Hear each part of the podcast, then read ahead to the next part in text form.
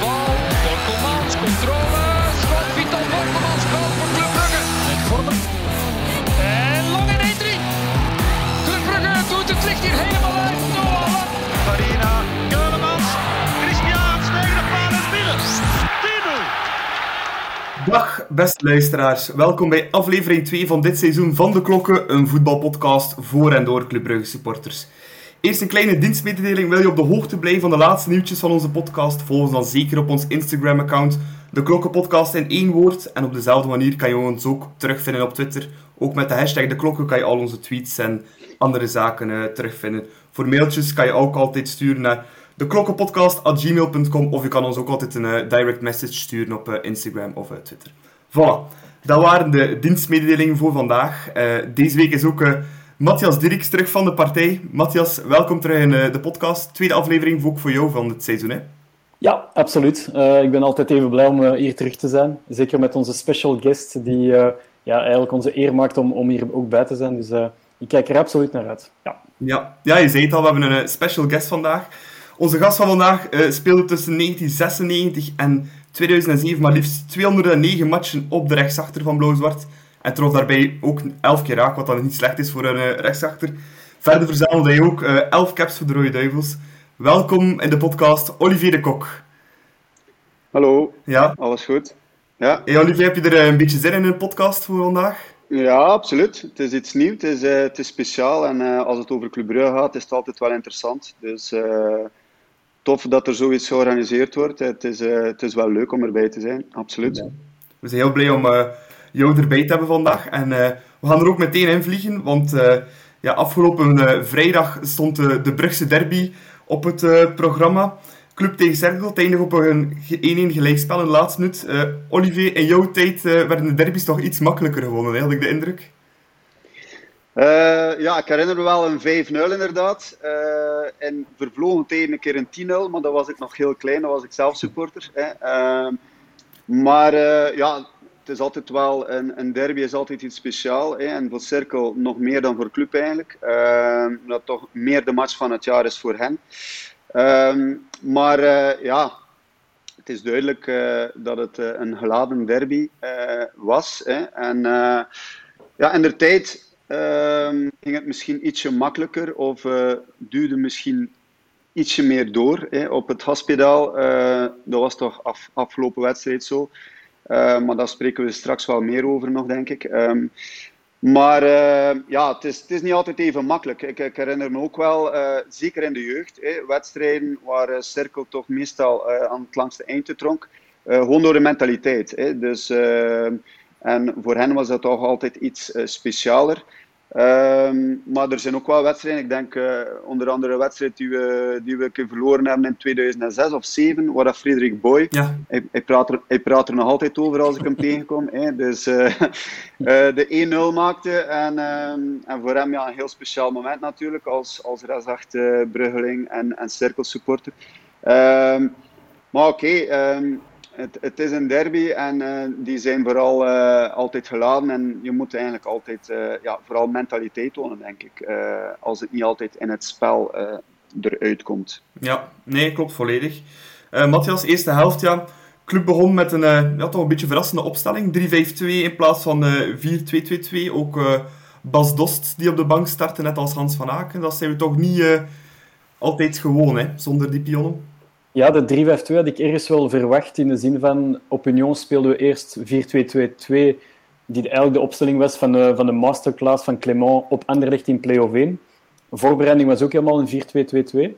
Maar de tweede helft op Union ging veel, veel beter. En toen speelden we wel met 3-5-2. Dus uiteindelijk heeft Clément waarschijnlijk de lijn gewoon doorgetrokken. Met opnieuw Matta die zijn hele rechterflank uh, mocht afdwalen. Um, wat dat voor mij wel een grote verrassing was. Enerzijds, zoals je zelf aangaf, Dost op de bank.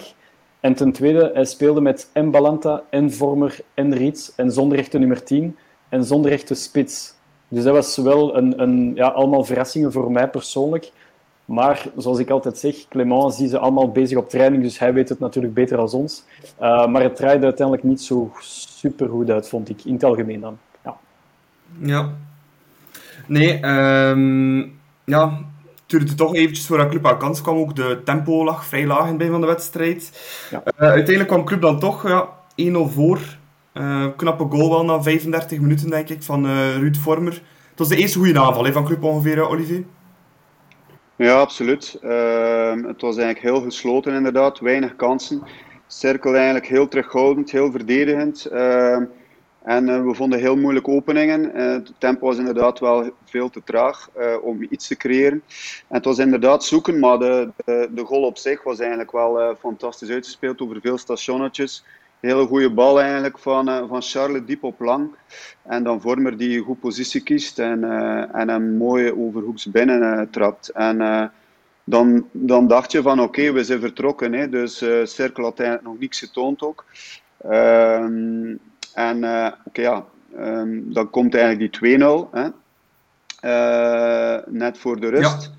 Uh, die, die dan afgekeurd wordt. Hè. En ja, anders denk je dat het, dat het einde verhaal is eigenlijk ook voor Cirkel. Ja, ja dat gevoel had ik ook wel. Dat, als die 2-0 viel vlak voor rust, dat is ook het ideale moment. Ja, dan is die ja. misschien gespeeld. Wel terecht afgekeurd, hè, Matthias, voor, voor handspel. Ja, ja nee, nee, het was, was uh, overduidelijk afgekeurd. Maar uh, nee, zoals, zoals Olivier daarnet zei, in zijn tijd gingen ze wel die gaspedaal induwen. En dat heeft Club een beetje nagelaten en dat vond ik heel spijtig. Want de kansen waren er wel, hè, met Charles de Ketelaar op de klats. En, en dan vooral die dubbele kans net voor de 1-1 van Dost en Van Aken. Uh, dat zijn toch wel heel... Toch wel belangrijke gemiste kansen. En aan de overkant, ja, dat is zo'n beetje de, de algemene wet in het voetbal. Als jij niet scoort, dan, dan valt de deksel op je neus. En dat is ook gebeurd met die goal van, uh, van Waldo. Dus het was extra zuur. We hebben ook samen commentaar gegeven, Nicola, uh, jij en ik, uh, voor de blinde tribune. En het was, het was extra, extra zuur. Ja. Ja, nee, inderdaad. Um, ook die tweede helft bij hen is ook zo ja, heel erg kalm. Uh, Olivier, heb je daar een verklaring voor waarom dat ze dan niet gewoon even zeggen, we drukken op de gaspedaal, 2-0, boeken toe en ja. we kunnen naar huis. Hè? Allee, ja. Ja, inderdaad, want dat, dat gevoel had je wel. Er was eigenlijk totaal geen dreiging van cirkel uit. Hè. Dus uh, als je inderdaad gewoon, uh, gewoon even doorduwt. En uh, oké, we hebben wel kansen gecreëerd, niet zoveel, maar wel groot eigenlijk wel. Hè. Dus ja, als die, die kopbalgoal binnen, allee, die kopbal van, van Charlotte binnen gaat. en dan heel op het laatste, maar oké. Okay, was het eigenlijk, dat was het al duidelijk dat ze eigenlijk met een 1-0 uh, tevreden waren. Hè. Dus uh, gewoon een beetje meer achteruit en, en eigenlijk uh, ja, die kansen, die kansen die je dan krijgt, moet je inderdaad wel afmaken. Maar we hebben niet zoveel gecreëerd. En ik verwachtte wel een, een, een sterke club de tweede helft. Zeker vanaf het begin, even doorduwen, uh, even bij de, bij de kneep. Bij de keel knijpen, laat het maar zeggen. En dan, uh, dan, is, het, uh, dan is het gewoon, gewoon een zaak. En is de eerste overwinning thuis met supporters uh, binnen. En ik denk dat dat wel heel belangrijk was, ook voor de supporters bijvoorbeeld, na corona, ja. om, uh, om die derby thuis te winnen. Hè. Ja. En, en om, om eens een, een afgetekende overwinning, 2-3-0, te gaan behalen uh, tegen onze stadsgenoot. Ja, nee, klopt. ja, en dan heel op het einde, Matthias, ja, de voetbalwet die toeslaat. Als, als, je de kans niet maakt, krijg je deksel op de neus, 1-1. je was vrij stil hè, toen dat je commentaar moest geven. toen ja ik heb het toen helemaal aan jou overgelaten, en Nicola, dus mijn excuses hiervoor alvast.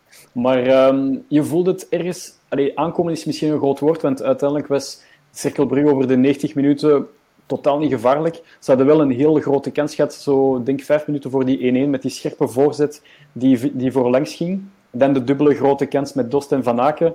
Maar um, ja, ik denk Mitrovic had daar veel beter op kunnen verdedigen. Ik denk als Mata als rechter centraal verdediger werd uitgespeeld en niet als rechterflank, dat die goal nooit zou vallen. Dat was ook een beetje mijn gevoel, dan, dan het er wel scherper op verdedigd geweest. Maar uh, Mitrovic zat veel te ver van zijn, van zijn tegenstander, waardoor dat Waldo uiteindelijk een beetje à la Lang een, een, een knap schot, uh, vers de paal en dan paal binnen. Dus uiteindelijk mooie goal van, van Cerkel, even mooi als, als, denk ik, als die van Vormer, maar uh, helemaal onverdiend was dat wel, vind ik. Ja.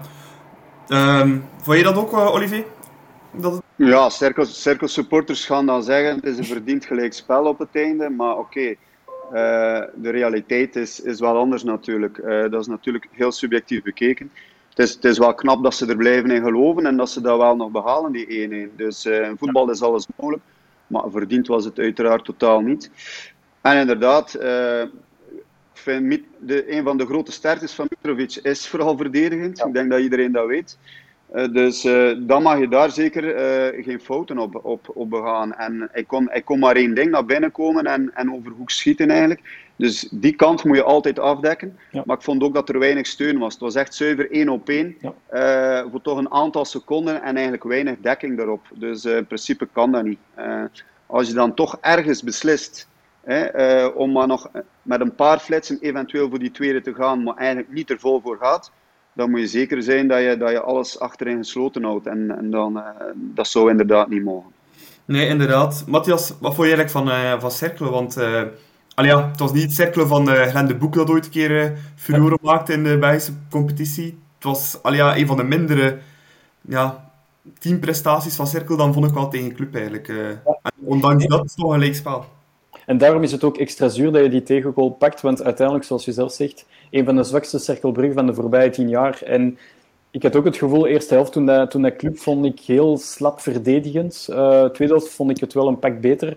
Maar je had ook het gevoel, als we nu vanavond tegen een betere tegenstander spelen met wel offensieve kwaliteiten, dat ze wel ons veel meer pijn kunnen doen dan hetgeen dat Cirkel heeft gedaan. Dus op dat vlak dacht ik van, oké, het is nog een beetje voorbereidingsmodus, zoals Clement zei.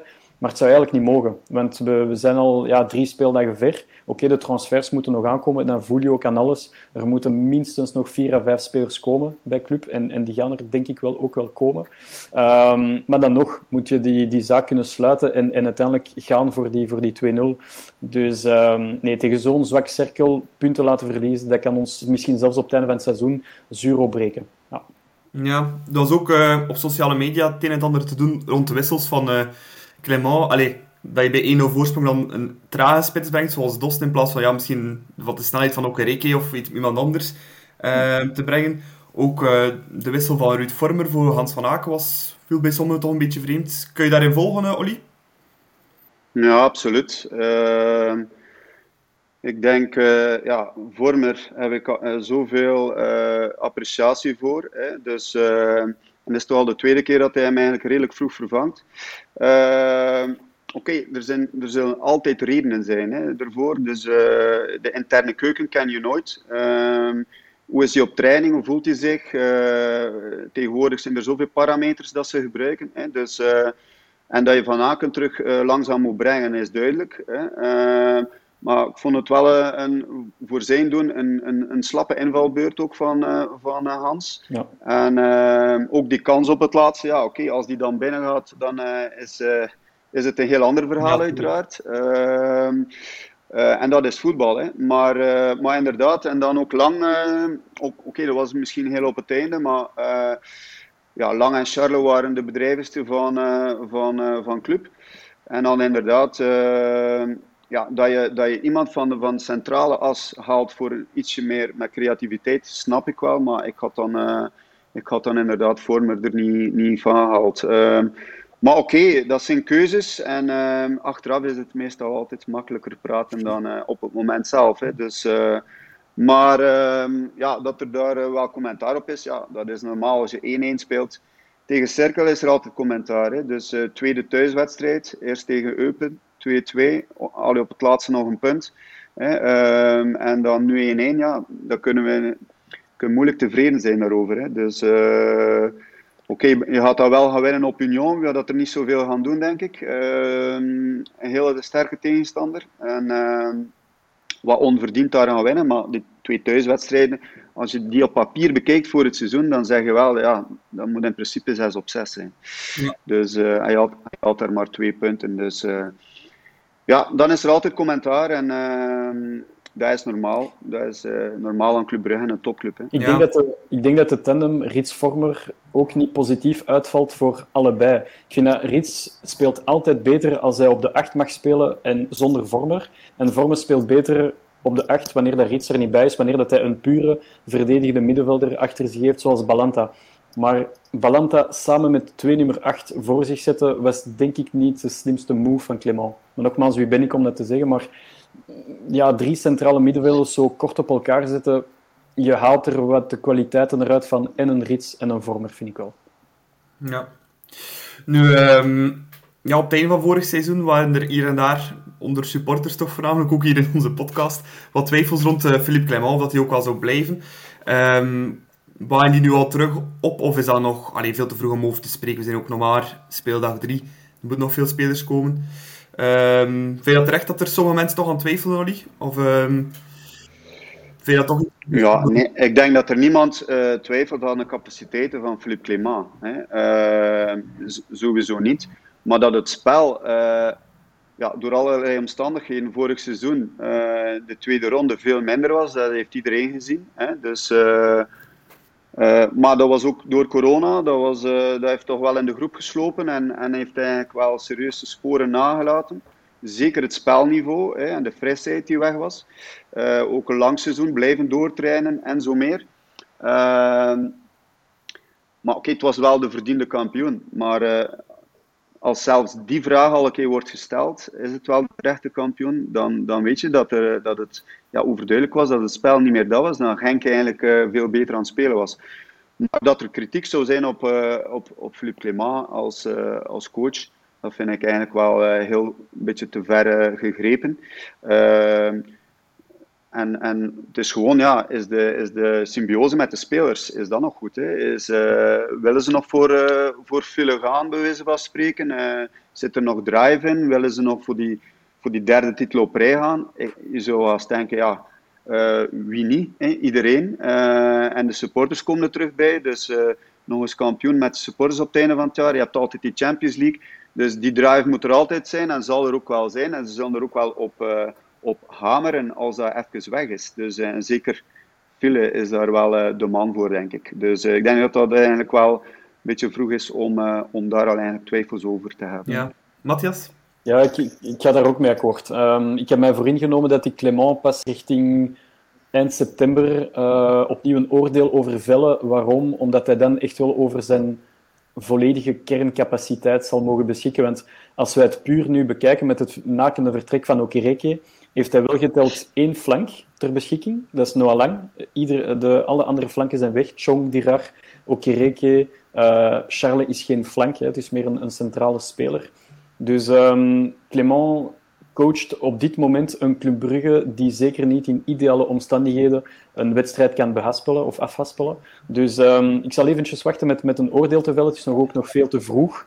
Um, maar ik merk wel een bepaalde lassitude bij, de, bij sommige kiespelers, zoals een Clinton Matta bijvoorbeeld, of, of, of andere, misschien zelfs Ruud Vormer of iets. Um, het gevoel is wel van, oké, als er nu niet extra schwung en drive en, en frisheid in die kern komt, ja, dan, dan verzuurt alles. Want je voelt, Hans, Rits, Vormer, Balanta, dat zijn vier spelers die ja, alle tegenstanders in de Jupiler Pro League beginnen die, die het, ons middenveld echt wel te kennen. Um, voorin heb je weinig wisselmogelijkheden. Um, Doost vind ik nog altijd een fantastische wereldtopspits. Past hij bij Club Brugge? Dat is misschien nog een andere vraag. Hij heeft wel die flanken en die snelheid en die voorzetten nodig. En op dit moment, dat is er niet, want Noah Lang is meer de man van de actie. Dus ik denk wel dat er nog heel wat moet gebeuren bij Club Brugge. Dus op dit moment is het niet ideaal voor Clement en het is ook nog te vroeg om hem, om hem nu echt wel een, een negatief oordeel over te vellen. Ja. ja, over Bas Dost gelijk dat je zegt, Matthias, um, ja, werd er ook wel het een en ander gezegd van ja, hij is niet in vorm en al. Maar ik vind ook wel, um, voor Dost, ja, hij heeft wel niet de spelers die hem op dit moment voeden met de voorzetten dat hij zou moeten krijgen, of met de ja. dat hij moet krijgen. Dus het is geen spits die, uh, à la Wesley ook, deed ja. destijds ja, echt het spel gaan meespelen en andere spelers beter gaan maken. Het is echt een puur zang afwerker, maar dan moet je wel ja, hem uh, providen met de met goede ballen en goede voorzetten. En dat ontbreekt nu gewoon, uh, vind ik. Een, een Dost in vorm had waarschijnlijk die kans helemaal op het einde wel gescoord. Want dat was een mooie paas van Matta. En daar voel je aan alles dat Dost nog niet echt goed in zijn vel zit. Dat gaat wel komen met de, met de tijd, met de weken en maanden. Maar uh, zoals je zelf zegt, hij heeft nood aan spelers zoals Diatta. Iemand die de achterlijn gaat halen met zijn snelheid en die dan een heel scherpe voorzet kan, kan lanceren om Dost in ideale omstandigheden te zetten. Maar die spelers komen nog in de komende dagen en weken, denk ik wel. Want het staat buiten kijf dat Manhart heel hard bezig is met het binnenhalen en afronden van dossiers. Ja. ja. Oké, dan kunnen we stilletjes aan uh, Club Cirkel achter ons laten, denk ik. En dan kunnen we over uh, naar het uh, volgende. En dat is dat we ons meer gaan focussen op onze centrale gast, Olivier de Kok, dus de special guest van vandaag. We gaan beginnen met onze vaste rubriek Bluffen Vragen. Bij Bluffen Vragen stellen we, leggen we jou tien dilemma's voor, waar je ja, nee of pas op kan antwoorden. Dus telkens een kort antwoordje. Ehm, ja, ben je er klaar voor, Olivier? Oké, okay, we doen ons best. Voilà, ik zal de eerste beginnen met aftrappen. Um, is profvoetballer zijn het mooiste beroep ter wereld? Ja. Stel dat je nu prof was geweest, had je Clinton Matta uit de ploeg kunnen spelen, denk je? Moeilijk. ja. Uh, vind je Clinton Matta de beste rechtsachter, ooit, uh, de beste rechtsachter in België op dit moment? Absoluut, ja. Was je goal tegen Anderlecht je belangrijkste ooit voor club? De meest memorabele, absoluut, ja. ja. Um, was het ook je mooiste goal, of niet? Goh, uh, ik heb een paar mooie doelpunten uh, gemaakt, als ik dat mag zeggen. Meestal van ver. Uh, tegen Kortrijk inderdaad, dat las ik ook in de, op Instagram. Was hij misschien wel de, de meest opvallende. Ja. Wie vond jij de beste trainer ooit onder jou? Broos, Gerets of Soljet? Ja, solid. Ja. Zou de ploeg waarmee je kampioen speelde met Solid binnen van het huidige Club Brugge?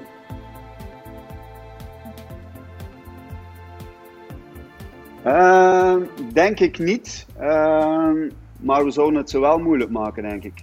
Had je destijds in Philippe Clement altijd een trainer gezien?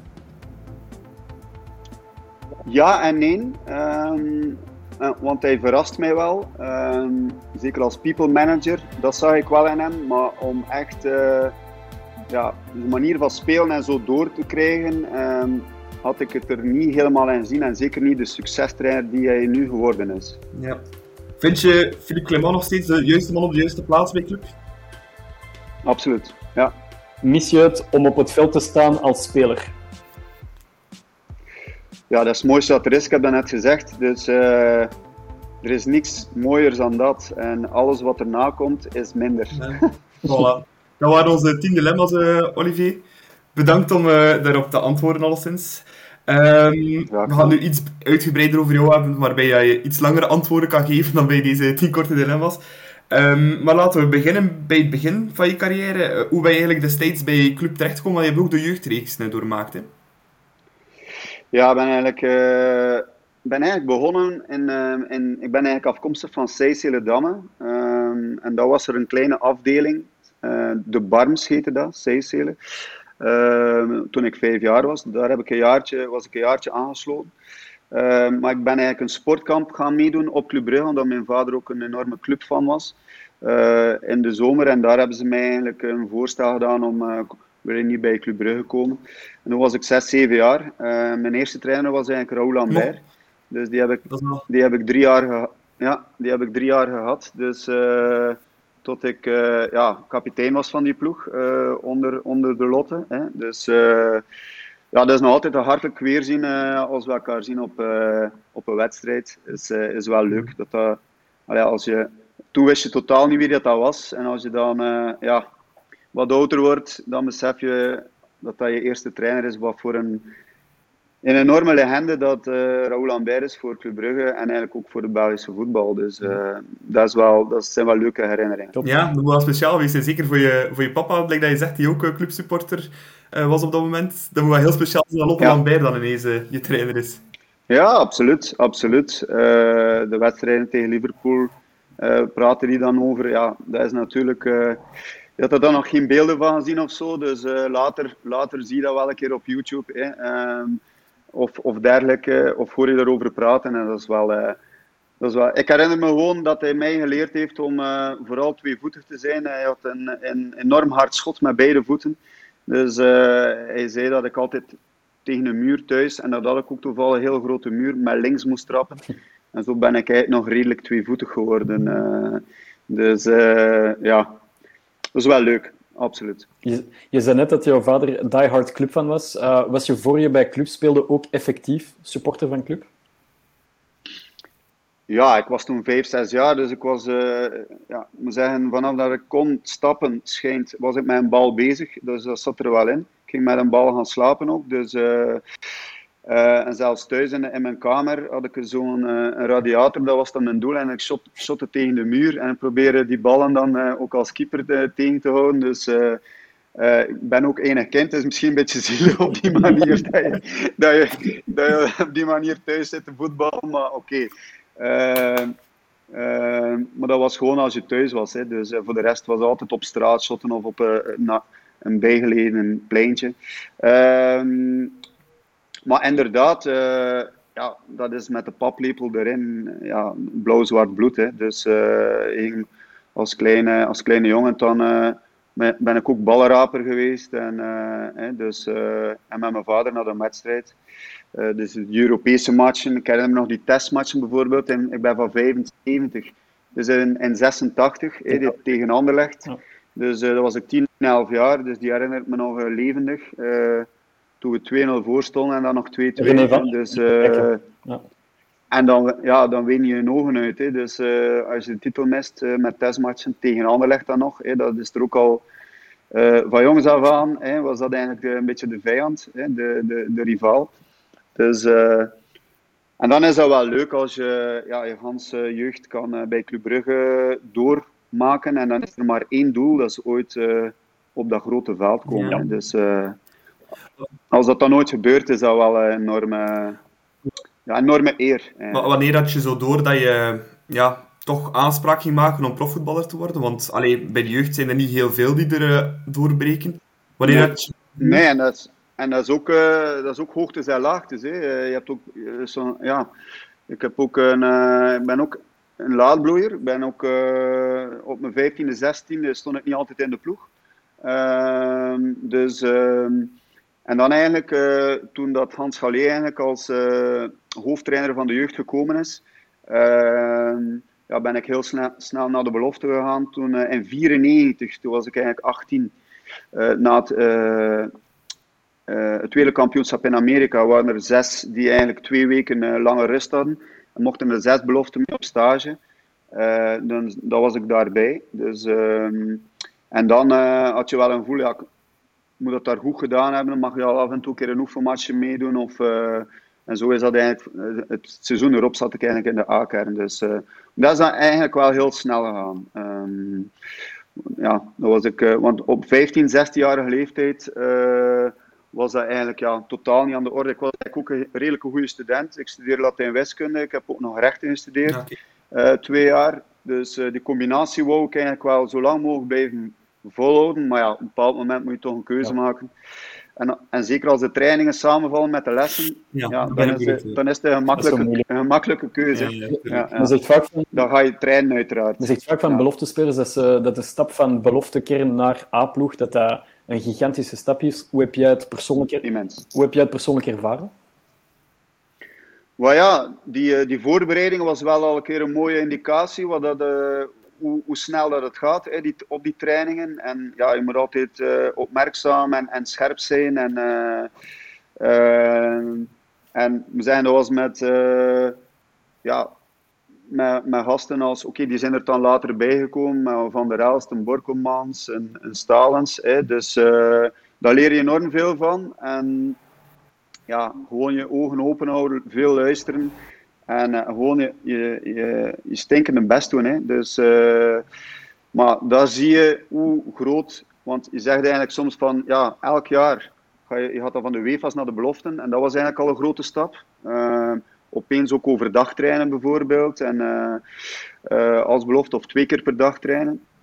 En ja, de stap naar de A-ploeg is, is enorm groot. En dan heb je het nog maar over meetrainen.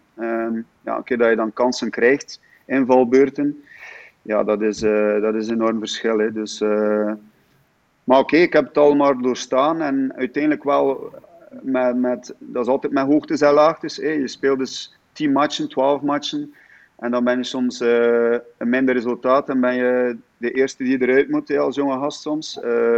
en dat is niet altijd zo eenvoudig, maar ik heb altijd willen doorbreken. Er zijn altijd kansen geweest om uitgeleend te worden naar een lokeren die Europees speelde toen. Moes Kroen, nog ploegen. Ehm, GBA bijvoorbeeld, als, als Frankie van der Elst trainer geworden is in GBA. Moes Kroen en zo meer. Ehm, maar ik wou echt doorbreken bij Club Brugge. Ik heb daar wel wat extra geduld moeten voor hebben. en, maar eigenlijk, ja, onder Broos, Gerrits, heb ik eigenlijk altijd wel een bepaalde periode gespeeld. Maar onder Solid ben ik eigenlijk pas echt vaste waarde geworden. Ehm, dus uh, ja. En dan ook international, uiteraard. Ja. Dus, uh, ja. Ja. En uh, in 96 maak je dan uiteindelijk ja, ook je debuut voor de eerste ploeg op het, ah, op het veld van A Agent. Ja, wat gaat er dan heen op dat moment? Dat moet wel een fantastisch moment zijn. Hè? Ja, dat is wel een, leuke, een leuke anekdote eigenlijk. ik, ik had al een keer of zeven op de bank gezeten, maar niet ingevallen. Um, en dan uh, op, uh, op Gent um, moet ik eigenlijk direct 45 minuten invallen. Dus, uh, want Van der Elst, Frankie, kwetst zich, blesseert zich. En um, Erik de Vlaanderen, die eigenlijk toen rechts stond, kwam in de positie van, van de Fox. En ik ging dan op rechts. Ik had voordien nog nooit rechts, rechtsachter gestaan. Hè. Dus ik ben eigenlijk opgeleid als spits. En dan eigenlijk middenvelder. En heel op het laatste eigenlijk uh, Hans Galé en nog de UEFA-trainer en belofte-trainer vonden dat ik beter het spel voormaat, centraal achterin. Dus ik had eigenlijk nog nooit rechtsachter gestaan. En ik moest dan opeens rechtsachter invallen. Uh, en de lichten gaan uit in het Ottenstadion. We hebben eigenlijk nog met een pannen, een lichtpannen gezeten van, uh, van 20 minuten. Dus nog wat extra stress. Nog een keer extra naar het toilet. dus dus oké, maar we winnen daar. En ja, allee, ik heb het al wel vrij behoorlijk gedaan. En uh, dat was eigenlijk wel, uh, ja, dat, dat neem je mee. En, en ja, zo groei je ook natuurlijk. Hè, als je dan de volgende keer mag starten en zo meer. Ja. Maar kan je zeggen dat dat wel extra stress ja, dat kan was. Wel, kan ik wel inbeelden. um, Pas na het vertrek van de Vlaanderen, na zijn transfer naar Lyon, heb je echt jouw kans gekregen als titularis bij Club Brugge om de raceback. Heb je nooit ja, je hebt toch een lange tijd moeten wachten op je eerlijke, echte kans. Uh, heb je nooit gedacht aan een vertrek op een bepaald moment? Jawel, absoluut. Uh, zoals ik daarnet zei, er waren altijd wel mogelijkheden. Uh, want ja, Solid is gekomen in 2000 en eigenlijk zat ik al, ik spreek dus van 94 de voorbereiding even meedoen, toch een, een week of drie. En dan in 95 al mijn eerste profcontract en in de eerste ploeg in de kern. Dus uh, er waren altijd wel zo'n tiental wedstrijden die ik meedeed, uh, behalve het eerste seizoen natuurlijk. Uh, maar dan weer vijf, zes wedstrijden niet, af en toe invalbeurten. En inderdaad, ja, als jonge, als jonge gast moet je ervaring opdoen. En dat kan je alleen maar door een keer 30 wedstrijden ja. op seizoen te ja. spelen. En dat was eigenlijk het eerste seizoen was dat in 99 onder de Scherrits was weg, was René Verheyen één seizoen hoofdtrainer. Ja. En dan had ik zo'n 25 wedstrijden. Uh, en dan had ik zoiets van, ja, ik, nu ga ik echt niet meer vertrekken. Nu wil ik hier echt wel... Uh, maar voordien, zeker en vast, er waren zeker mogelijkheden op uitleenbasis. Um, en, en ja, dat, dat kon ook. Maar, ik heb dat, maar dat is nooit concreet geweest. Ik had altijd zoiets van, ja, liever niet. Maar als het moet, ja, dan ga ik daar zeker aan meewerken. Maar het hoefde nooit voor Club Brugge. Dus uh, ze wou mij ook niet Allee, ze zeiden niet van nu eisen we een, een uitleenjaar uh, ja. of zo. Nee, dat is nooit. Ja. Dus uh, ik, wa ik wachtte inderdaad een beetje geduldig mijn kans af. Ja. Ik ben natuurlijk van mijn zes jaar al, al op Club Brugge, dus uh, misschien speelt dat ook een rol. En had elke trainer wel het geloof van. ik heb onder elke trainer wel een deel wedstrijden gespeeld en op een bepaald moment ben je ook titularis. Hè? Dus tien wedstrijden na elkaar ja, dat is toch een maand of twee, drie dat je, dat je, dat je titularis bent. En dan, ja, dan zegt die trainer eigenlijk, jij bent mijn nummer één op die, eh, op die positie. Dus ja, dan ga je er wel over nadenken, maar dat is, dat is niet eenvoudig om, uh, om eigenlijk die constante ook in je prestaties te leggen. Ik ga het zeker nooit op de trainer alleen steken. Hè. Um, ik heb ook wel, uh, zeker in het begin ook, uh, maar eigenlijk Hans mijn carrière wel last had van blessures. En ja, dat is nu eenmaal ook een deel van de sport. Hè. Dus uh, dat heeft er ook wel altijd mee te maken gehad dat ik niet standvastig in de ploeg stond. Ja. Um, zoals je zei, ja, onder Solid was je dan uiteindelijk wel basisspeler. En het seizoen 2002-2003 pak je dan ook je eerste titel met club. Uh, dat is dan toch een jeugdroom die uitkomt, denk ik dan. Ja, dat was eigenlijk de eerste titel uh, waarin dat je eigenlijk ja, zelf kan zeggen, ik heb hier aan meegedaan. Hè? Want in 98 onder Gerrits was eigenlijk de eerste titel, maar ja, dan heb ik een wedstrijd of 7, 8 meegedaan. Ja, dan sta je ook niet als eerste. Oké, als je bent ergens ook clubsupporter, dus mm. ja, ben je aan het juichen. En ook, ik heb hier aan, voor een stuk aan meegedaan, maar ja, je staat niet op de eerste mm. rij. Hè. Dus, uh, dus dat was eigenlijk de eerste keer inderdaad. Dat was eigenlijk ook het beste seizoen die, ik, die ik ooit gespeeld heb. Met een bekroning om Rode Duivel dan te worden ook. Dus Champions League hebben we meegemaakt. Dat was eigenlijk, ja, was eigenlijk een, een super jaar. En ehm, ja, met eigenlijk een vriendengroep. Hè. Dus uh, met jongens die, uh, die al een jaar of twee, drie, vier, als ik dan uh, Clément, Gert Vrij, dat was zelfs al ietsje langer. Maar dan Timi, Gaetan, Peter van der Rijden, Sandy Martens, Roene Lange die er dan bij komt. Want het waren niet al, allemaal Belgen. Hè. waren ook veel buitenlanders die zich goed aanpasten aan, aan de club, aan, aan wat club voor stond. Hè. En ehm, ja, dat was eigenlijk een, een, een zo'n toffe bende. Ook de vrouwen hangden enorm goed aan elkaar. Allee, dat was echt een spelerzoom. Ja, super. En dan met, met, een, met een Solid die bij ons kwam en die zei: uh, wij hadden altijd de woensdag vrij uh, onder Broos en Gerrits. Uh, die heeft dat direct afgeschaft en die zei: van ja, waarom? Omdat er woensdag Champions League is. Wij gaan Champions League spelen. En dat was al zo lang dat we dat niet gedaan hebben. En dan zei hij, ja, we moeten top zijn de woensdag, dus wat zouden we vrijgeven? Dus, eh, en als je dan dat allemaal realiseert, en zeker één seizoen, ja, ik heb denk ik uh, dat seizoen 1 of 32 van de 34 gespeeld, dus een keer geschorst denk ik, en misschien één wedstrijd gemist. Alle Champions League wedstrijden, ja, uh, ja dan, dan, ja, dat is, uh, dat is iets om te onthouden. Hè. Dat is eigenlijk het toppunt van je carrière, ook 27 jaar. Eh, ik denk, dat er nu misschien wel nog iets kan gerekt worden. Ehm, met de begeleiding en zo, die toch veranderd is. Maar ja, dat is, uh, dat is echt iets om, uh, om nog altijd met veel trots uh, naar, naar terug te kijken. In, in hetzelfde jaar maak je ook je debuut voor je nationale ploeg. Um, men zegt vaker, hè, zeker hedendaags, als clubspeler naar de Rode Duivels, dan denk je meteen aan een stap hogerop. Misschien is Hans van Aken daarvoor wel een uitzondering.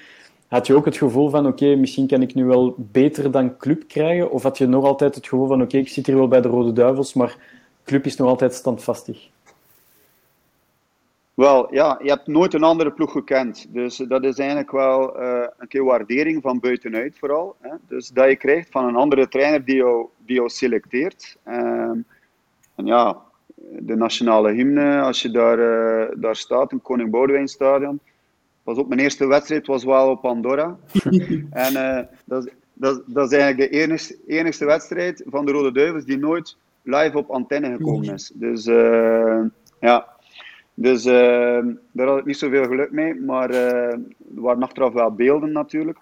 Ehm, maar dat is, ja, dat is appreciatie van, van, van, ja, van eigenlijk een bondstrainer, dat was Antonis. Um, en dat is wel leuk, wat je nooit iets anders gekend, of je eigen trainer in je eigen club. Of, uh, maar inderdaad, toen zag ik dat vooral als, als een eer om voor je land te spelen, om hopelijk een EK of een WK eens mee te maken. Um, en, en ook ja, het niveau is, is, is een stuk hoger uh, bij de Rode Duivels, sowieso. Um, maar, maar toen zaten we jammer genoeg in een fase uh, dat het ja, elke keer dat we erbij kwamen, allee, dat het terug nationaal ploeg was, waren er terug ja, veel gekwetsten, terug totaal andere, wat niet echt een geraamte.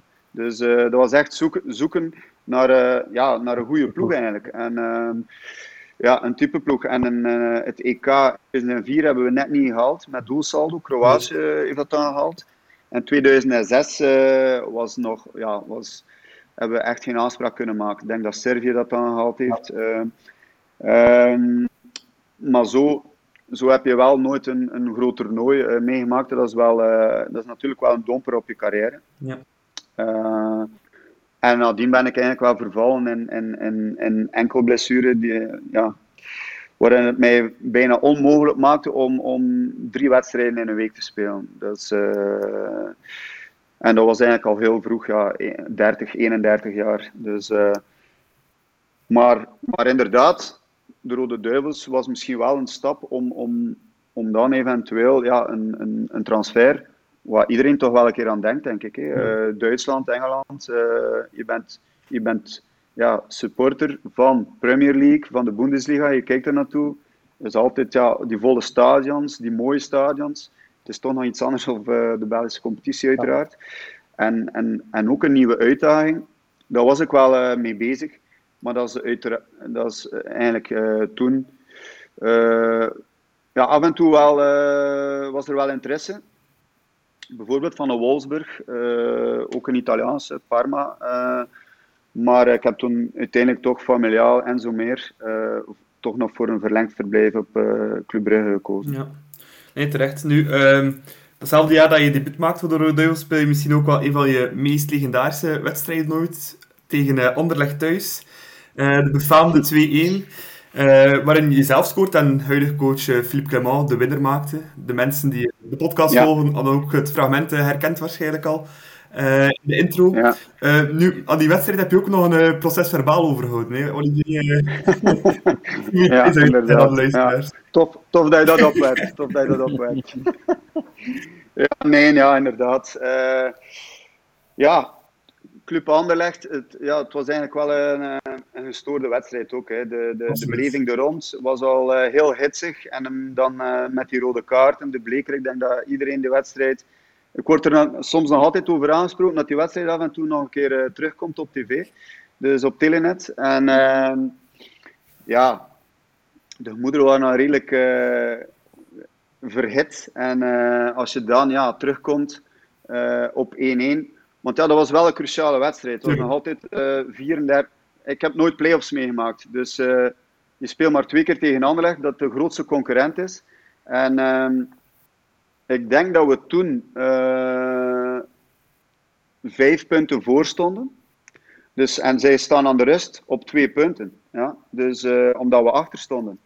En je wint die wedstrijd, je eindigt de wedstrijd eigenlijk met acht punten voorsprong. En, uh, en, en dat systeem zonder play-offs, ja, dat is, dat is een enorm verschil. Ja. Dus, en met een vol stadion, ja, als je dan kunt scoren, met een, met een lekkere streep. Ja, heel mooi goal. Dus uh, dan, dan ben je ja, volledig, volledig van de wereld even. Hè. Dat is, uh, en dan doe je wel eens dingen die, die misschien niet, niet horen. Uh, en dat was ook, ja, ik, ik liep gewoon weg. En ja, dan zie je die andere supporters en, en die, die clubsupporters die volledig uh, door het lint gaan. En ja, dan ga je mee in dat verhaal. Hè. Dus, uh, maar oké, okay, ik heb daar inderdaad wel een proces verbaal uh, gehad. En, en Gilles de Beeld ook, dacht ik, na de wedstrijd. Waarschijnlijk. Ja, ja, ja. Dus, nee, het was okay. inderdaad een heel speciale wedstrijd. Want dan uh, Breer Maartens ook al in de podcast. En heeft toch moeten toegeven dat hij trap op Jestrovic toch uh, iets wat bewust was uh, destijds. ja, dat, is, dat, is, dan ook de eerste keer, denk ik, dat hij dat toegeeft. Hij had het nooit aan jullie toegegeven tijdens de, of in de kleedkamer achteraf? Nee, nee, nee, totaal niet. Okay. Nee, altijd ontdekt. Bij deze dus, weet uh, dat de voorkant speel zit. Ja, ja. We, we, ja, ja, we hebben wel de exclusief, exclusief nieuws uh, meegekregen van hem. Um, Olly, ja, het jaar erop absoluut. ga je ook eens stunten in de Champions League. Dat was ook eigenlijk een befaamde wedstrijd op het veld van AC Milan. Was dat ook persoonlijk jouw ja. mooiste overwinning van heel jouw carrière en ook de sterkste ploeg waar je ooit hebt gespeeld?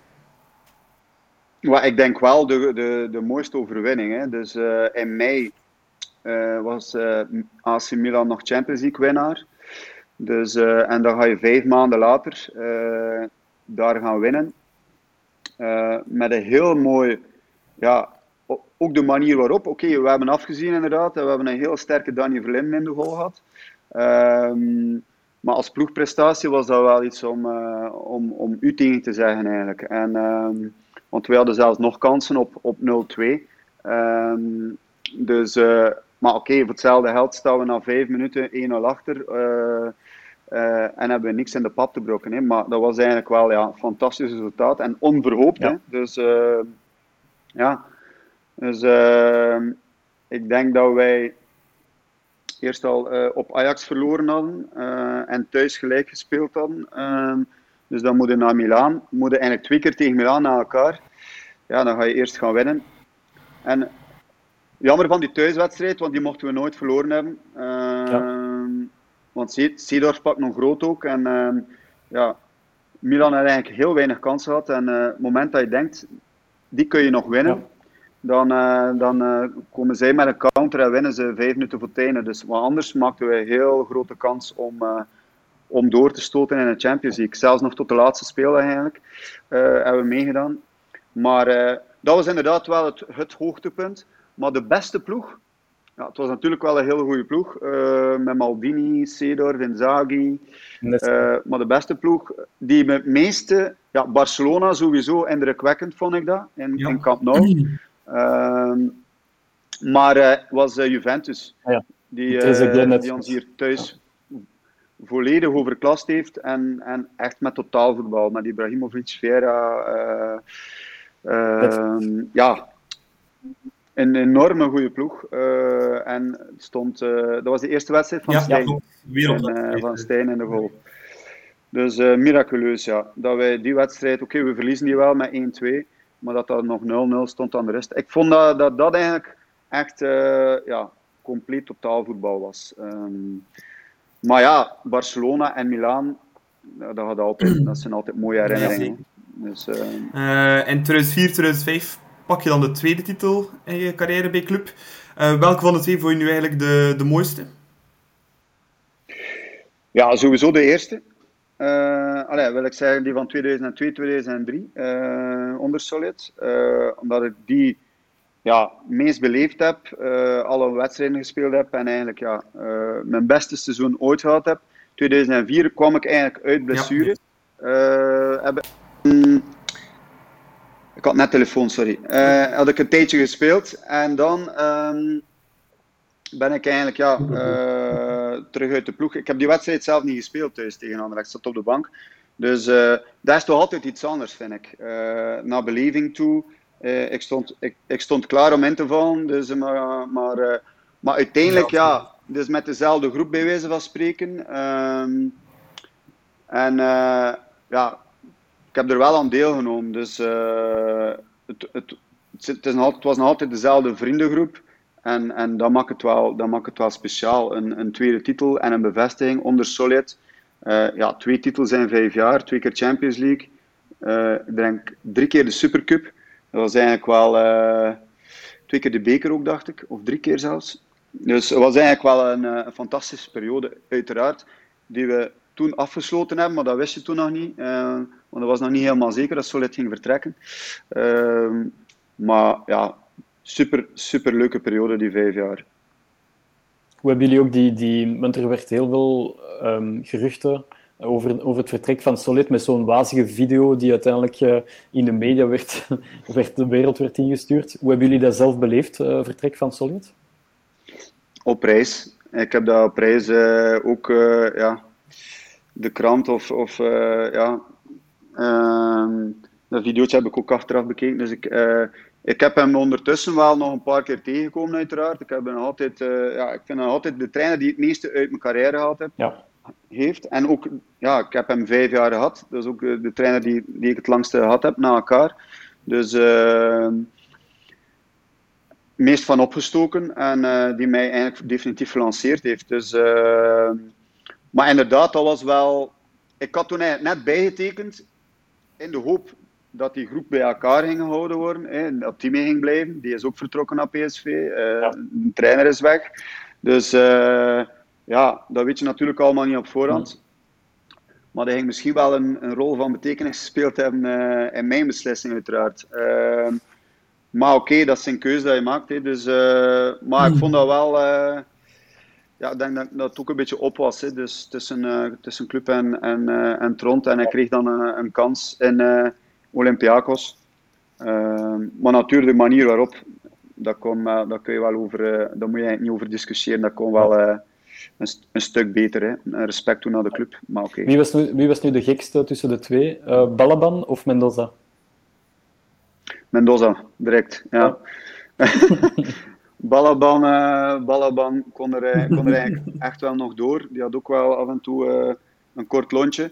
Uh, zoals heel veel van die ex-Jugoslaven uiteraard. Ehm, maar daarom apprecieer ze ook wel, omdat het ook wel winnaars zijn. Maar Mendoza, ja, Mendoza was er soms echt volledig over, er los over. Ehm, maar oké, ja. Ehm, hij kon de, de makkelijkste doelpunten missen en dan doet hij een ingeving dat je zegt van wauw, wow, jij, moet, uh, jij moet dringend een transfer naar, naar, uh, ja, naar je favoriete ploeg, hè, naar Barcelona bij van spreken. Hè. Allee, hij, kon, hij kon dingen die een ander niet kan, zelfs vanuit stilstand, snelheid, linkervoet. Maar ja, af en toe had hij er ook gewoon geen zin in en, en liet hij het ook blijken. En, en ja, respectloos eigenlijk soms, af en toe. Ja. ja. Mijn papa zei het altijd over Mendoza. Als hij er hoestingen heeft, legt hij er elke match drie in. Maar uh, ja. Dat was vaak niet het geval. Dus, uh. Vaak niet het geval, inderdaad. Ja. Um, in 2007 komt er dan helaas ja, een einde aan je, aan je lange carrière bij club. Um, ja, hoe is dat eigenlijk tot stand gekomen? Um... Ja, dat is eigenlijk, uh, eigenlijk zeer het vertrek van, van, van Solid is er eigenlijk uh, ja, een, een, een leegte gekomen, eigenlijk, laat het maar zijn. Was het eigenlijk zoeken, ook, naar, ook door, het, door het vertrek van verschillende spelers, naar een, uh, naar een type ploeg, naar, naar standvastigheid, naar. Uh, ik denk dat Club Brugge zelf ook aan het zoeken was, hè, het bestuur en zo, hele reorganisatie. Ehm, en ehm, ja, ik ben, ik ben wel hervat. Eh, dus ik had een hele zware enkelblessure. Um, ik ben zes maanden uit geweest. En uh, ik heb toen eigenlijk, uh, ben toen eigenlijk hervallen in, in, verschillende andere blessures. Door anders te lopen, door, door, door te, ja, misschien te snel te veel wedstrijden. Want ik was ook heel snel terug international, Europese wedstrijden.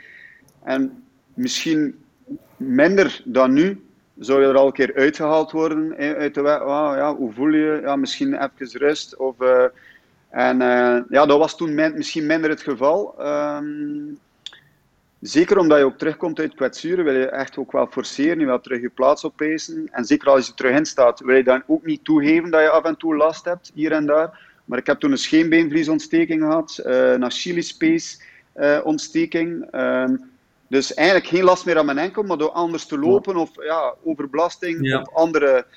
En ja, uh, daar zijn er ook verschillende trainers gekomen. Uh, dus eerst Keulemans, dan Ferreira. En onder elke trainer had ik een goede periode, maar ook een mindere periode met blessures. Met ook het feit dat ze op een bepaald moment ook vonden dat ik niet mijn niveau meer haalde, zeker onder Ferreira.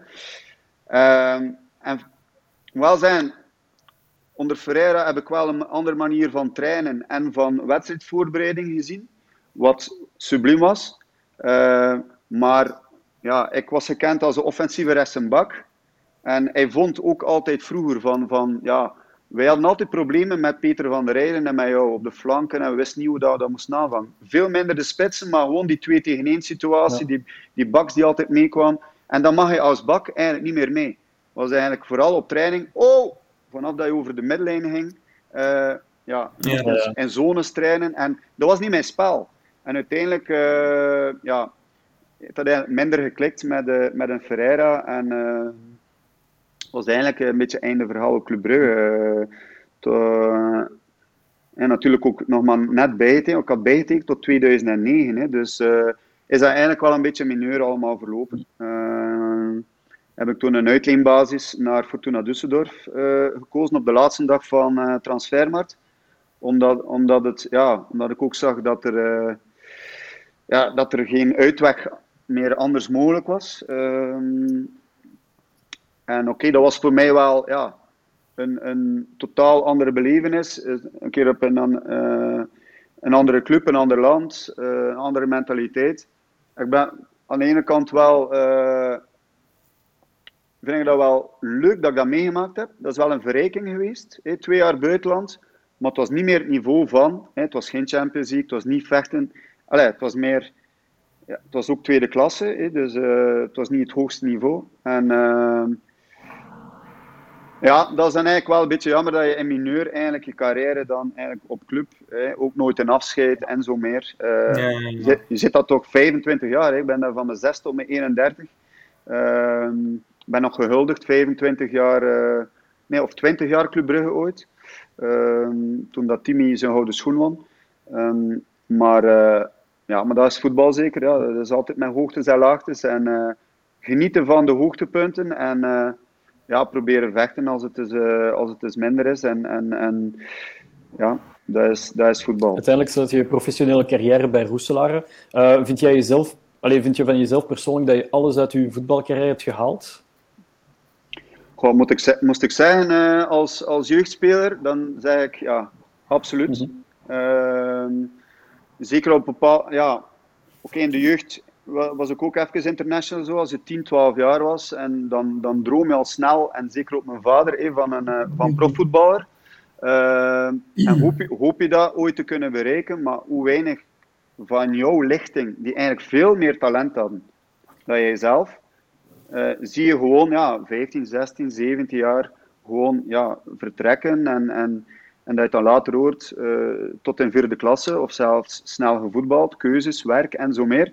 Dus dan zeg ik ja, absoluut. Dan uh, Rode Duivel, ik heb, ik heb zoveel wedstrijden voor Club Brugge. Um, ja, ik ben nog altijd uh, super fan van Club Brugge.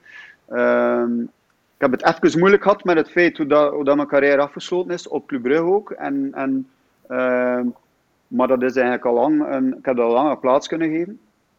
Ehm, maar inderdaad, ben vertrokken en dan eigenlijk nog twee jaar, een jaar in Oostende en een jaar in Roeselare. En een jaar in Roeselare was eigenlijk echt een mineur. Uh, we hebben ons net gered in tweede klasse, terwijl dat we mee gingen doen om over te gaan naar eerste klasse. Dus uh, ja,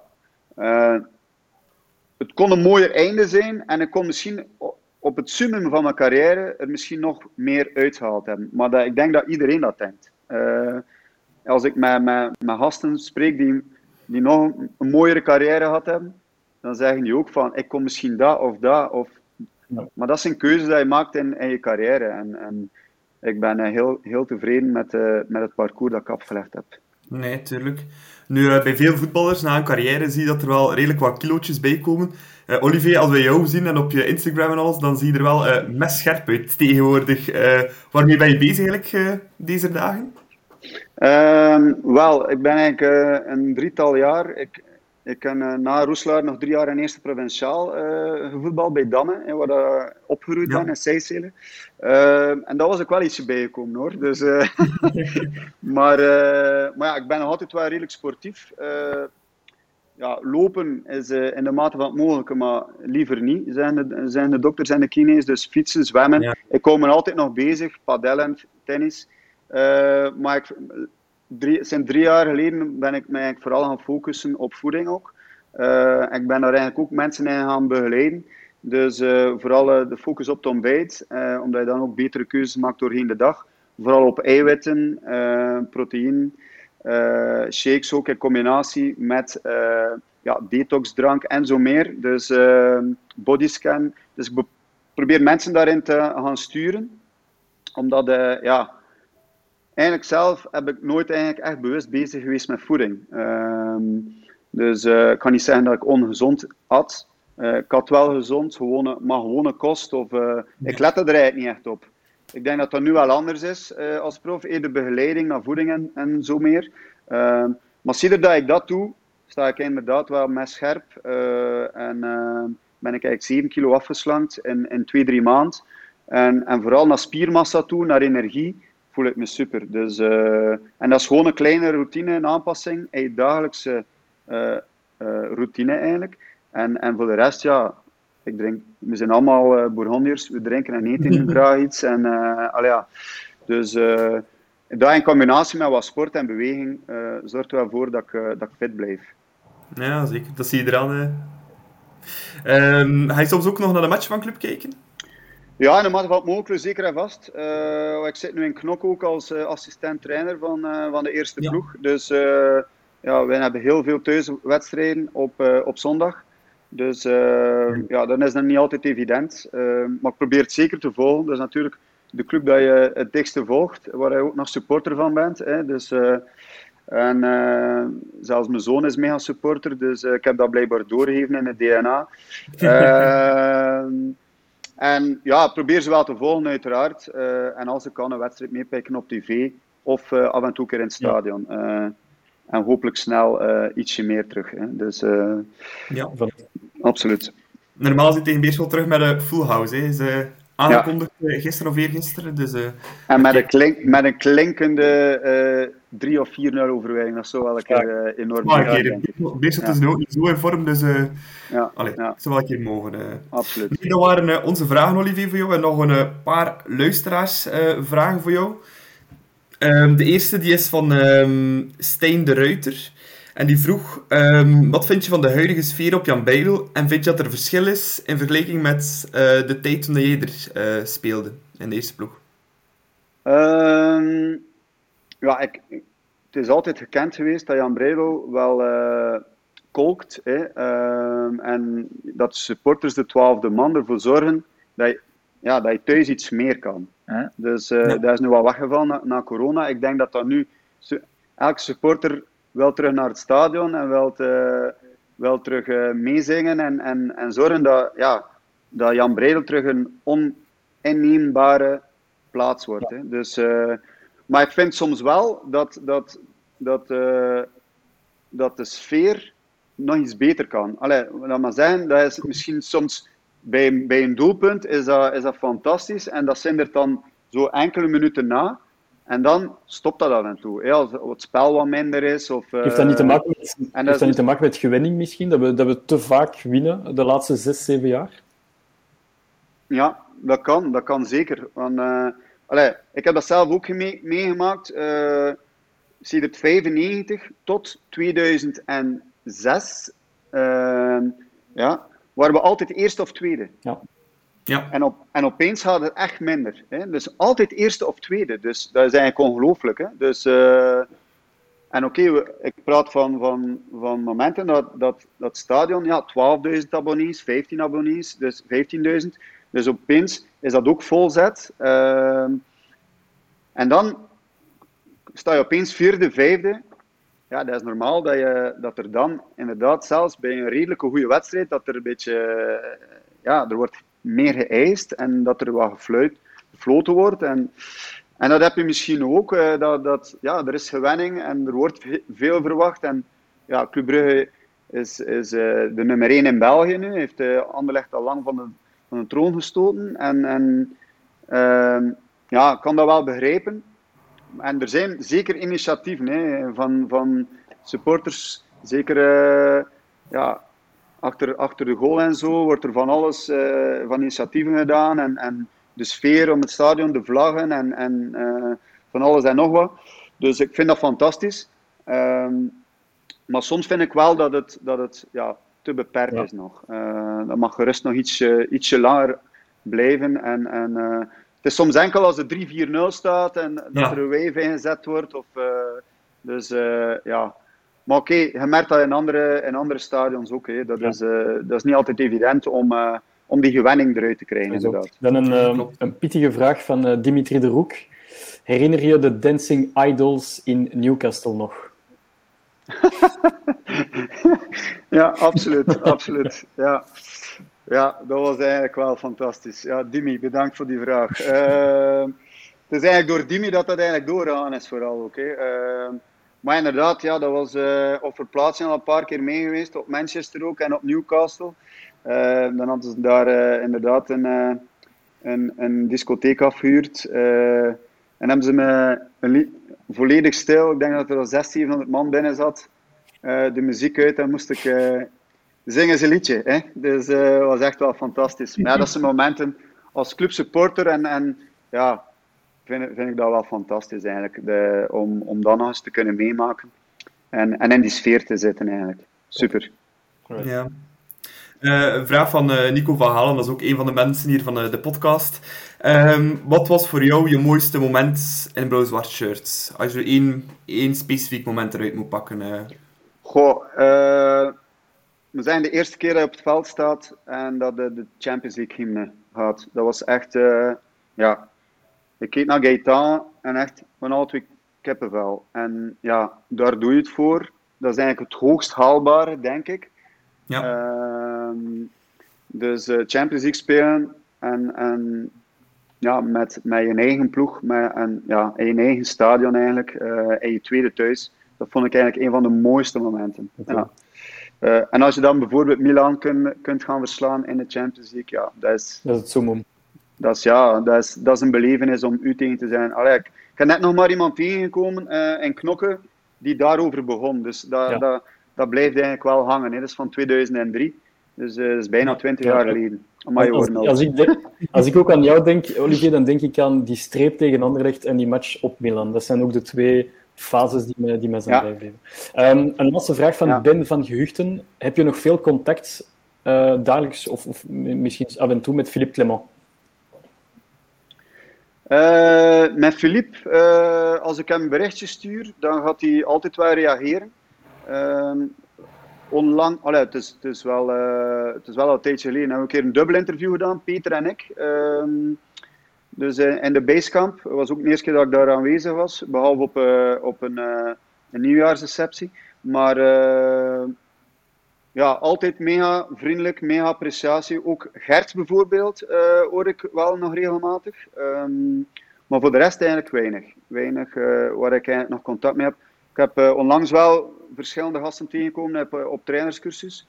Uh, Gaetan bijvoorbeeld. maar voor de rest, allee, naast zo'n dingen het is altijd hartelijk als je iemand terugziet. Hè. Bijvoorbeeld ja, ook Roene Lange, dat is, dat is super gast als je die terugziet. Dat is, je zou uren praten over van alles en nog wat. Maar, maar dagelijks contact, nee, met niemand eigenlijk. Ja. Alright, dat waren uh, al onze vragen en die van uh, de luisteraars. Olivier, super bedankt om er zo eerlijk op te antwoorden en de leuke anekdotes op te halen. Maar dan kunnen we nu over naar het volgende rubriekje en dat is de Kage Cup. Ja, Jan. En voortgaan. Ze kunnen niet volgen. Nog altijd. Goal! Goal, goal, goal! Hij is erdoor, Keuleman. Hij is erdoor. Inspanning van het jaar. Ja, de Cash Cup, dat is de prijs voor de speler, medewerker, supporter of persoon die iets met blauw-zwart te maken heeft, die we graag deze week eens in de bloemetjes willen zetten. Elk van ons drie nomineert één persoon en daarna kijken we wie de leukste of mooiste nominatie heeft gegeven en die wint dan de Kaja Cup voor uh, deze aflevering. Uh, Matthias, jij mag uh, de spits afbijten. Um, ik heb voor deze week gekozen voor um, toch wel een onmisbare pion en ik hoop ook dat intern bij Club dat ze nog altijd heel hard op hem, op hem rekenen en dat is Eder Balanta. Ik heb voor Eder Balanta gekozen omwille van meerdere redenen. Um, het is iemand natuurlijk die te kampen heeft soms af en toe met wat blessures, en, um, maar op wie dat je altijd kunt rekenen. Um, ik vond ook dat hij, dat hij ons middenveld eigenlijk best wel recht hield in, afwezig van, uh, in afwezigheid van een Charles de Ketelaar die hogerop speelde of Hans van Aken op de bank. En um, ja, Balanta is een speler die ik persoonlijk vind dat hij redelijk wat onderschat wordt intern. Ja, Balanta is iemand op wie, ja, die, die, die er altijd staat, die heel snedig is in duel, uh, die er echt voor, uh, ja, voor onze normen en waarden, no sweat, no glory, uh, staat er helemaal voor. En oké, Club is bezig op dit moment om een, om een middenvelder aan te trekken. maar ik zeg altijd, een Balanta in vorm, en die echt op het, op het top van zijn kunnen speelt, niemand kan daar omheen. Ik denk ook heel spontaan aan die play-off 1-wedstrijden, waarbij dat het echt wel een heel stuk minder draaide. Ik denk aan Hans van Aken, die wat minder speelde. Uh, Vormer had het ook moeilijk met corona. En dan plots zie je natuurlijk een, een Balanta die, die wel op, op top van zijn kunnen speelt en die plots een onmisbare pion is. Dus uh, ik hoop echt dat club uh, Balanta niet meteen van de hand gaat doen. Um, en ik zou die graag in de bloemetjes willen zetten, want hij speelde heel, heel sterk op Union, vond ik. Hij speelde ook goed tegen, uh, tegen Cirkel. Dus uh, bij deze een bloemetje voor Balanta. Meer omwille van het feit dat hij vaak misschien een, een onderschatte speler is bij Club. Ja, ja mooie nominatie, uh, Matthias. Olivier, je hebt ook een nominatie voor deze week. Hè? Ja, ik had eigenlijk eerst, omdat je ook gezegd had dat eventueel iemand mocht zijn, een supporter of iemand ernaast. Ik had eigenlijk eerst Cookie ah, genomineerd, omdat ik gisteren het moment dat je dat vroeg aan mij, dus uh, had ik een berichtje gekregen dat ik uitgenodigd ben op 10 november voor de reunie van de ex-spelers. Dus, uh, Dus uh, ik wou hem daarvoor bedanken dat hij dat berichtje gestuurd had. Dat is altijd leuk. En dat is al ik weet niet hoe lang niet kunnen doorgaan door corona eigenlijk. Dus, maar ik heb toch voor een speler gekozen, Charles de Ketelaar. dat ik vind dat hij eigenlijk wel heel goed start is aan het seizoen. is, is allemaal aanwezig, gaat altijd dreiging vanuit. Is dat ook centraal nu. Hè? Het is zeker zoals Matthias zei, geen flankspeler. Maar oké, okay, het noodzak af en toe daar moeten staan. Hij is ook wel polyvalent. Maar als je hem op, je, op zijn positie centraal zet, ja, ik denk dat we daar dit seizoen heel veel plezier van gaan hebben. En dat hij eigenlijk wel tot zijn recht gaat komen dit seizoen. Uh, dus vandaar dat ik eigenlijk wel voor Charles opteer. Um, ook ja, omdat hij toch wel uh, tegen Cirkel, ja, dat pasje naar lang bijvoorbeeld, dan ook die kopbal. ja, hij was eigenlijk, hij verdiende ook wel een, een, een doelpunt en eigenlijk ja, hij was ook bekroond, denk ik, tot man van de match nadien, dacht ik. Um, ja. Dus ja, voor mij Charles de Ketelaar. Ja, heel mooie nominatie. Ik zelf heb uh, ja, gekozen voor uh, Edward Sobbel. Um, ja, eerst en vooral ja, omdat hij een ja, mooie goal maakte vorige week op Pignon. Lekkere volley was dat. Maar ook ja, omdat hij zich toch helemaal heeft teruggeknokt. Um, na vorig seizoen de wedstrijd tegen Lazio en dat hij de rode kaart pakte. En ja, die ja, heel Club een beetje overzicht kreeg, uh, toch terug opgestaan. En uh, ja, het is een beetje on, uh, onbespreek... Allee, on, uh, vaste pion in de, in de basis bij Clement. Dus vandaar Edward Sobol als mijn nominatie voor deze week. Ehm, maar wie gaan we kiezen? Ik vind wel de nominatie van Olivier wel heel mooi. Ook um, Charles de Ketelaar, die toch ja, misschien met een beetje met de ontgoocheling zat van het EK dat hij er niet bij was. Hij had misschien niet zo zeggen in de krant, maar ik denk dat het wel ergens bij hem gespeeld heeft. En toch zo sterk heeft opgestaan, vind ik dat wel een, eh, een zeer sterke nominatie. Ja. Eh. Matthias, ben je ermee akkoord? Ja, ik vond, ik vond jouw nominatie, Nicola, ook een mooie. Um, waarom? Ik ben geen grote fan van Sobol specifiek. Ik, we lachen er een beetje soms mee met Soboldinho. Uh, maar uiteindelijk, als hij iets hoger op, op het veld speelt, vaak in die 3-5-2 van Philippe Clement, dan speelt hij echt uitstekend. En... Uh, zoals je zei, hij werd helemaal verguisd na die, na die rode kaart op Lazio. En, um, en hij heeft zich ja, puur individueel teruggeknokt. Want Rika, dat is ook geen, um, geen slechte speler op linksback. Uh, maar Sobol heeft toch de concurrentie aangegaan en uiteindelijk ook gewonnen van Rika, die beter is in een centrale verdedigingsrol, drie mans links. Dus uh, ja, goedje af voor, voor Sobol, maar Charles de Ketelaar mag die natuurlijk ook winnen. Dat uh, zijn twee heel mooie spelers. Ja, ja. Dan gaan we deze week een keer geven aan uh, Charles de Ketelaar. Ik denk trouwens nog niet dat hij hem al gewonnen heeft, uh, Charles nee. de Ketelaar. Nee, dus, uh, ah, ja, oké. Okay. Voilà. Dus uh, Charles de Ketelaar, proficiat met je Kaji Cup. en dan kunnen we nu over naar het allerlaatste van de podcast. En dat is een vooruitblik naar uh, Zultewaregem Club Brugge, komende zondag. Um, ja, in Waregem klassiek gezien nooit een makkelijke verplaatsing, maar de laatste jaren uh, ging dat toch vrij vlotjes. Ik herinner me vorig jaar nog de 0-6 van club bij Zultewaregem. Maar Olivier, ik denk niet dat het zo vlot zal gaan deze week. Nee, dat denk ik ook niet. En we scoren ook niet zo makkelijk. Dus ik denk gewoon een winst zou eigenlijk al goed zijn om dan de volgende week een keer thuis uit te pakken tegen Beerschot thuis voor een vol stadion. Maar ehm, maar inderdaad, ik denk uh, dat Zulte ook nog een beetje zoekende is. Um, ze, de, de eerste wedstrijd speelden ze op Leuven 1-1. Dan verliezen ze tegen Standaard en dan gaan ze gaan winnen op Sint-Truiden. Dus, en ook, ik denk dat ze achterin wel wat zoekende zijn. Dus ik denk dat daar wel wat mogelijkheden liggen. Ehm, maar oké, okay, ja, het is, het is een, een weerzien met spelers zoals Vossen en Gano die ook uh, beide gescoord hebben uh, dit weekend. Dus ehm, ja, ik denk ehm, dat het vooral zaak zal zijn om, eh, om eens de nul te houden. Hè? En, ehm, en gewoon onze wedstrijd te spelen met een goede, goede ingesteldheid, goede mentaliteit en, en de drie punten mee te nemen. Ja.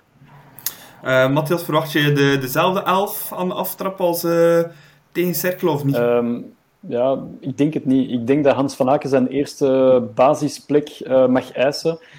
Ik denk dat Clement ook heeft ingezien dat, dat, het trio Balanta, Rits, Vormer, dat dat iets te veel van het goeie is. En ik denk ook dat Dost terug zijn plek gaat hebben. Dus ik verwacht wel Van Aken en Dost in de basis. Uh, ten koste van wie, dat is ook de vraag.